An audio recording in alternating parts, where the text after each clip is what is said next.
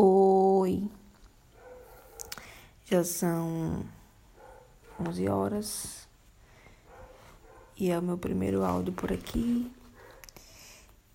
E tem um cachorro latindo no fundo, mensagem no WhatsApp chegando, minha mãe mandando me cuidar e o meu pai também. Então, eu tava lendo aqui em Ezequiel 37 e fala, né? Quando as pessoas tentam crucificar Jesus e procuram ele para matar ele e tal.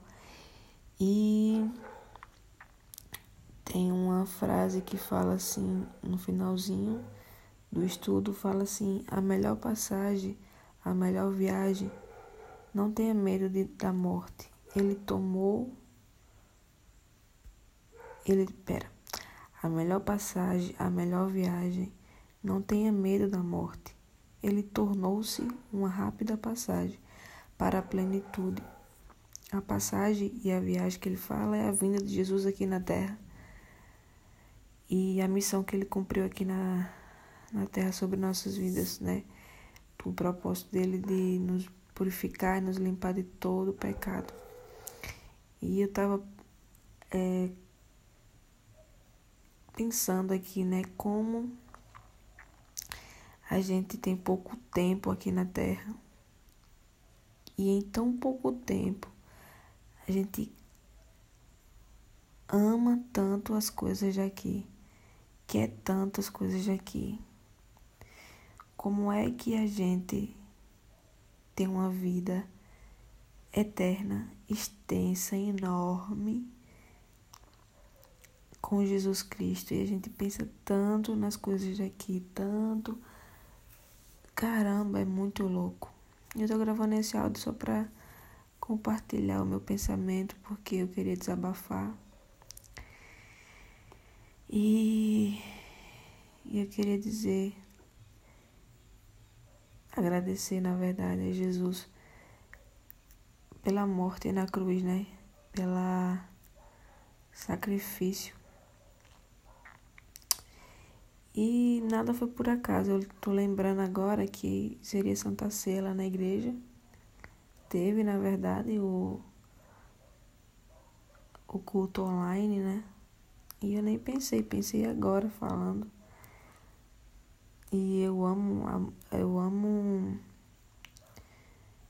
tudo que se retrata a cruz, a morte de Jesus, porque é muito surreal como as coisas eternas é muito massa e quando a gente estiver lá, a gente nunca vai lembrar ou sei lá, tipo, sentir o mínimo de dor que a gente sentiu aqui com muitas coisas que tá acontecendo, que é, porventura vai acontecer na sua caminhada, na minha caminhada, e eu fico pensando, caramba, é muito louco isso, é muito surreal. E eu espero que todos os dias eu acorde querendo amar mais as coisas eternas e as coisas que Deus tem para mim na eternidade, na, na plenitude da vida. E eu, eu oro para que eu esqueça, esqueça as coisas. É claro que a gente tem que ter uma vida aqui porque a gente tá aqui. Mas, cara, Preciso amar as coisas da terra. Ou oh, eterna. Tá repreendido da terra, não. Porque, tipo, mano, se a gente, tipo, acontecer alguma coisa com a gente agora, no momento certo, na hora do que Jesus voltar e tudo acontecer e tal, e pai, vai eu vou ter uma vida eterna com Ele, ou seja, tudo que eu passei, seja uma vida boa, seja uma vida ruim, no sentido de profissão, no sentido de relacionamento com uma pessoa, ou no sentido de ter conseguido me formar, isso não vai importar, isso não. É tipo um currículo. É tipo, você passou toda a sua vida querendo preencher um currículo.